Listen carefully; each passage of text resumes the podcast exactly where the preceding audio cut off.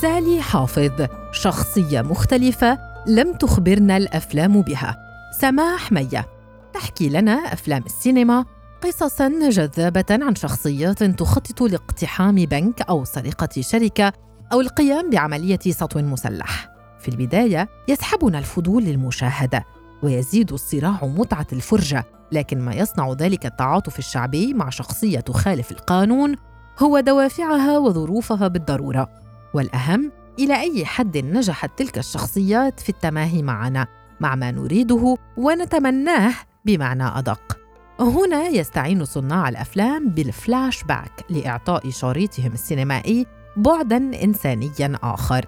يتجاوز عملية السطو المسلح فيجعلنا نقترب ونتعرف على الدوافع التي جعلت البطل خارجا عن القانون. في المسلسل الإسباني الشهير لا كاسا دي بابيل نتعاطف مع عصابة تخطط للسطو على دار صق العملة الإسبانية لأننا ببساطة نجد في فريق البروفيسور تحديا لنظام رأسمالي فاسد.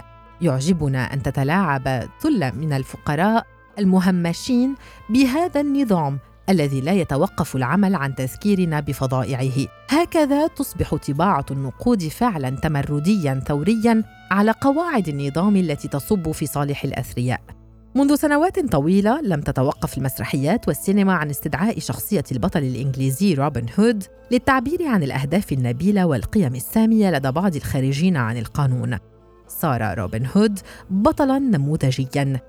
أن تسرق من جيوب الأثرياء لتجعل حياة الفقراء أفضل أو تجعلها أقل مأساوية ربما.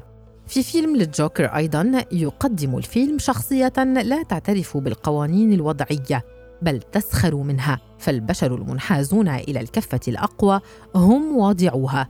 من هنا ليس غريبا أن نتعاطف مع الجوكر ونحن نعيش تحت وطأة قوانين وضعية لا تحقق حدا أدنى من العدالة. في تلك القصص التي نتعاطف فيها مع شخصيات تخالف القانون نتعاطف مع أنفسنا ونتماهى مع مزاجنا ومع الأكثرية المسحوقة ضد الأقلية الساحقة. مع ما يمكن أن نفعله أو نتمنى أن نفعله ربما تحت ظرف مشابه. فتصير دوافع البطل وغاياته هي دوافعنا وغاياتنا.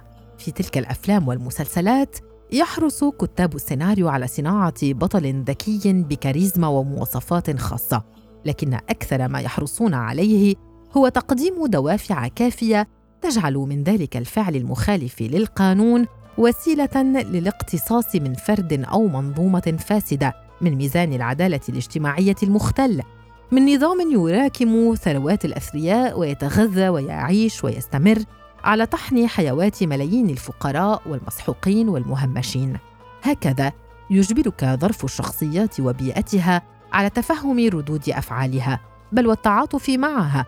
وفي مكان ما تجد في مبادرتها الفردية تلك شجاعة تتمنى أنت المشاهد أن تستجمعها لتمارس فعل الثورة الذي تراه على الشاشة. من هنا تكون سالي حافظ الشابة اللبنانية الناشطة وابنة الثورة على المصارف والنظام اللبناني الطائفي بكل رموزه الشاهدة على الانهيار الكبير والتي اقتحمت بنكا يحتجز أموالها بسلاح خردة لعبة أطفال لاسترجاع وديعتها البالغة عشرون ألف دولار. شخصية مختلفة لم تخبرنا الأفلام بها.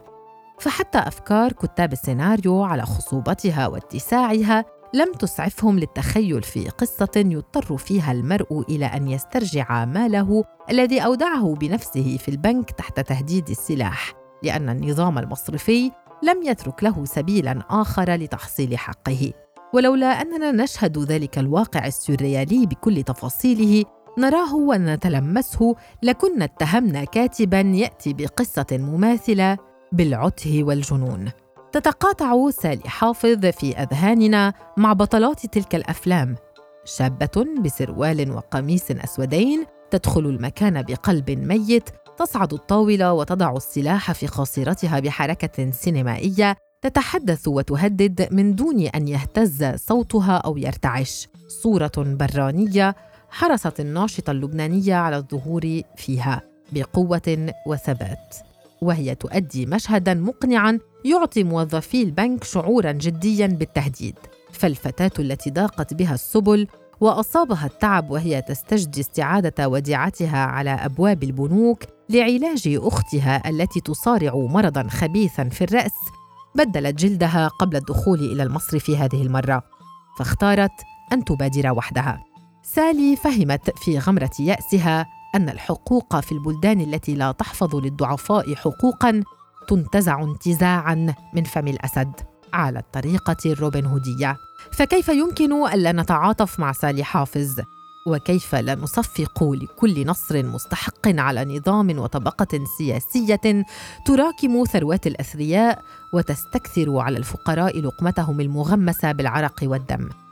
سالي هي النسخة الأكثر شجاعة منا. نحن المقهورين. هي ما نتمنى أن نكون عليه. هي نحن في أجمل خيالاتنا.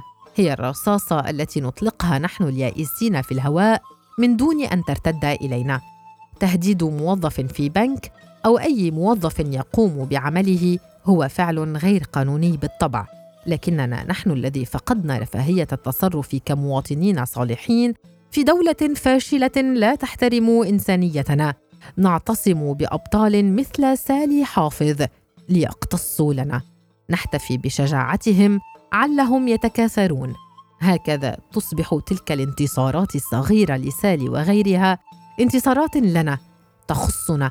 نحن الذين نراها أو نتمناها أسافين في نعش أنظمة تسرقنا وتفقرنا وتقتلنا كل يوم. ثم تنتظر منا في النهاية أن نتصرف. كمواطنين صالحين.